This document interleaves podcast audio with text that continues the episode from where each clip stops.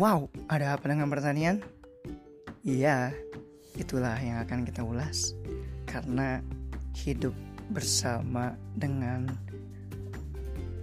bangsa Indonesia yang sebagian besarnya agraris juga punya banyak sumber daya alam berpotensi untuk dikembangkan sebagai harta-harta gemilang untuk pertanian ke depannya itu sangat manis bagi semua negara di dunia. Bahkan dulu Eropa sana, Spanyol, Prancis, Portugis, Belanda pun menjajah kita untuk mengeksploitasi kekayaan alam Indonesia dan kekayaan pertaniannya, kapulaga, rempah-rempah, dan juga kekayaan hutan lainnya. Yang itu semua ternyata gara-gara hal unik yang ada di Indonesia. Namun selama ini sudahkah semua itu kita manfaatkan dengan baik? Sudahkah semua itu tidak berbasiskan dengan trial and error? Sudahkah kita selama ini membuat semuanya menjadi lebih terdata rapi canggih semuanya berdasarkan keilmuan yang kokoh sehingga semua teknologi yang bisa dimunculkan pun membuat segalanya menjadi mudah begitu nah itulah yang akan dibahas kali ini oke okay.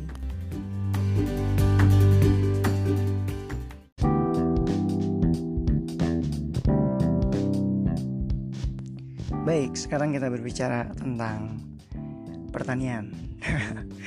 Oke, di mana kebanyakan orang berbicara tentang pertanian itu kebayangnya kotor ataupun kumuh dan sebagainya. Padahal di belakangnya ada jutaan bahkan miliaran harta dan kegemilangan yang diraih secara berkelanjutan gara-gara dari pertanian. Namun selama ini hidup bukan cuma untuk duit ya, tapi kita hidup untuk sama-sama saling mensejahterakan menegakkan keadilan di muka bumi ini agar kebaikan terus ada dan berlanjut hingga generasi berikutnya lebih dari tujuh turunan. Itu dia. Bagaimana caranya? Ya tentunya yang paling utama adalah membuat kebutuhan pokok utama umat manusia yaitu kebutuhan perutnya, makannya itu terpenuhi. Nah, sudah tahu belum?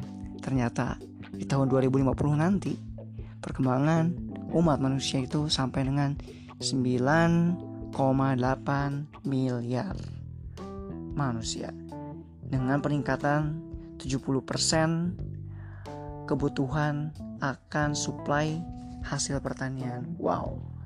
Bayangkan bagaimana dunia bisa menghadapi semua itu.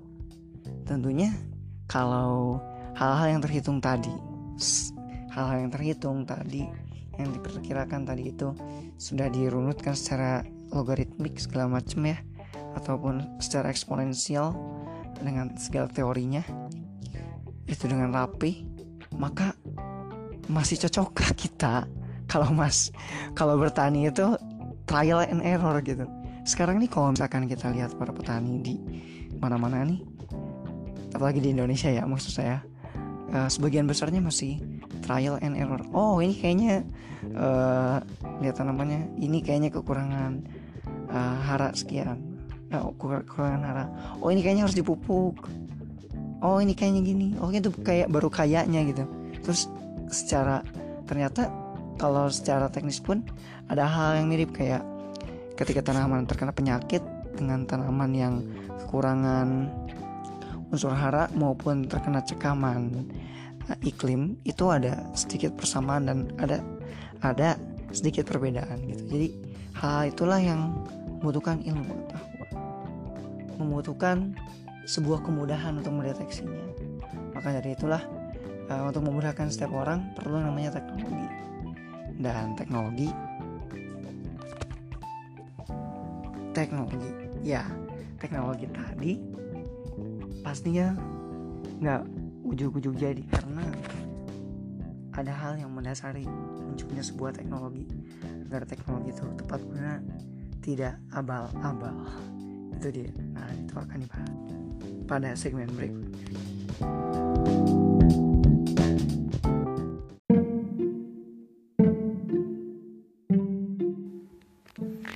Oke, tak ada teknologi kalau tidak ada sebuah ilmu pengetahuan. Tak ada sebuah teknologi yang tepat guna kalau tidak ada kebijaksanaan dalam menerapkannya, menciptakannya, dan juga mewariskannya. Begitu. Nah, kalau diurutkan tidak ada tidak ada sebuah kebijaksanaan bila tak ada ilmu pengetahuan tak ada ilmu pengetahuan bila tak ada pengetahuan sebelumnya atau informasi. Ya informasi yang sudah terolah dari berbagai kejadian yang empirik maupun teori teoritis.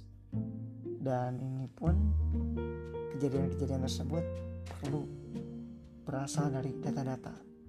Maka dasar dari sebuah teknologi itu ada adalah karena dasarnya kita memiliki data sebagai bahan mentah untuk diolah menjadi informasi dikembangkan menjadi ilmu pengetahuan lalu menjadi sebuah kebijaksanaan dalam memunculkan sebuah teknologi yang tepat guna bagi masyarakat. Itulah. Dan jika di pertanian itu kita perlu melihat dari berbagai aspek. Aspek dari di lapangan kebunnya bagaimana agar produktif produksinya berkelanjutan satu. Kedua sumber daya alamnya terjaga secara berkelanjutan lalu ketiga memenuhi kebutuhan pangan dan pa dan pasar ya kebutuhan pasar demandnya terpenuhi lalu selanjutnya uh, mementingkan kualitas gitu dan kontinuitas.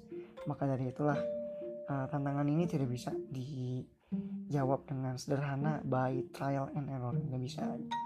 So semua itu perlu yang namanya uh, ilmu dan teknologi yang tepat guna. Teknologi yang tepat guna hanya bisa dimunculkan dari keilmuan yang kokoh. Maka saat hendak mengaplikasikan teknologi informasi pertanian di lapangan hal dasar yang perlu dipetakan adalah bagaimana mekanisme yang ada di lapangan. Bagaimana teknologi itu bisa digunakan bagi petani? Bagaimana teknologi ini bisa berkembang seiring uh, berkembangnya tantangan zaman? Begitu. Nah teknologi akan selalu berubah-ubah namun manusia pun perlu berkembang. So jadi seiring berkembangnya teknologi maka manusia pun harus seiring dikembangkan keilmuannya dan keterampilannya. Begitu. Tak ada sebuah kejayaan tanpa sebuah istiqomahan konsistensi untuk menjaga semua. Itu dan yang terpenting bukanlah teknologinya namun bagaimana kita siap menghadapi tantangan zaman dengan keilmuan yang kita miliki. Lalu setelah itu kita munculkan teknologi yang tepat contoh adanya kebutuhan pasar yang tinggi ya, tentang eh, yang tinggi akan beras namun ternyata petani pun susah untuk mendapatkan akses penjualan langsung sampai ke konsumen. Maka diciptakanlah aplikasi yang menghubungkan petani langsung ke konsumen. Begitupun menjual cabai rawit dan yang lainnya agar petani tidak tidak jatuh harganya jatuh di pasaran. Ciptakan aplikasi tersebut agar menghubungkan petani sebagai penjual sekaligus langsung menjualkan ke end user bukan ke tungkulak lagi. Dan sebagainya. Lalu ada lagi bagaimana tentang teknologi yang ada di lapangan? Teknologi yang mendeteksi bagaimana kondisi air irigasi kebutuhan hara kondisi fenologi tanaman dan sebagainya yang semua itu bermanfaat bagi menjaga kualitas produksi nah begitupun dengan penyuluhan pertanian secara online dan teknologi lainnya IoT atau Internet of Things pun bisa menjadi solusi bagi berlanjutnya pertanian. Nah, semua teknologi itu pasti bisa dikembangkan. Yang tadinya interface, yang tadinya bertemu langsung, bisa kelihatan. Sekarang dalam hitungan detik, yang pertanian tadinya segalanya tidak terhitung, tidak terukur, menjadi terukur dan tepat guna bagi masyarakat.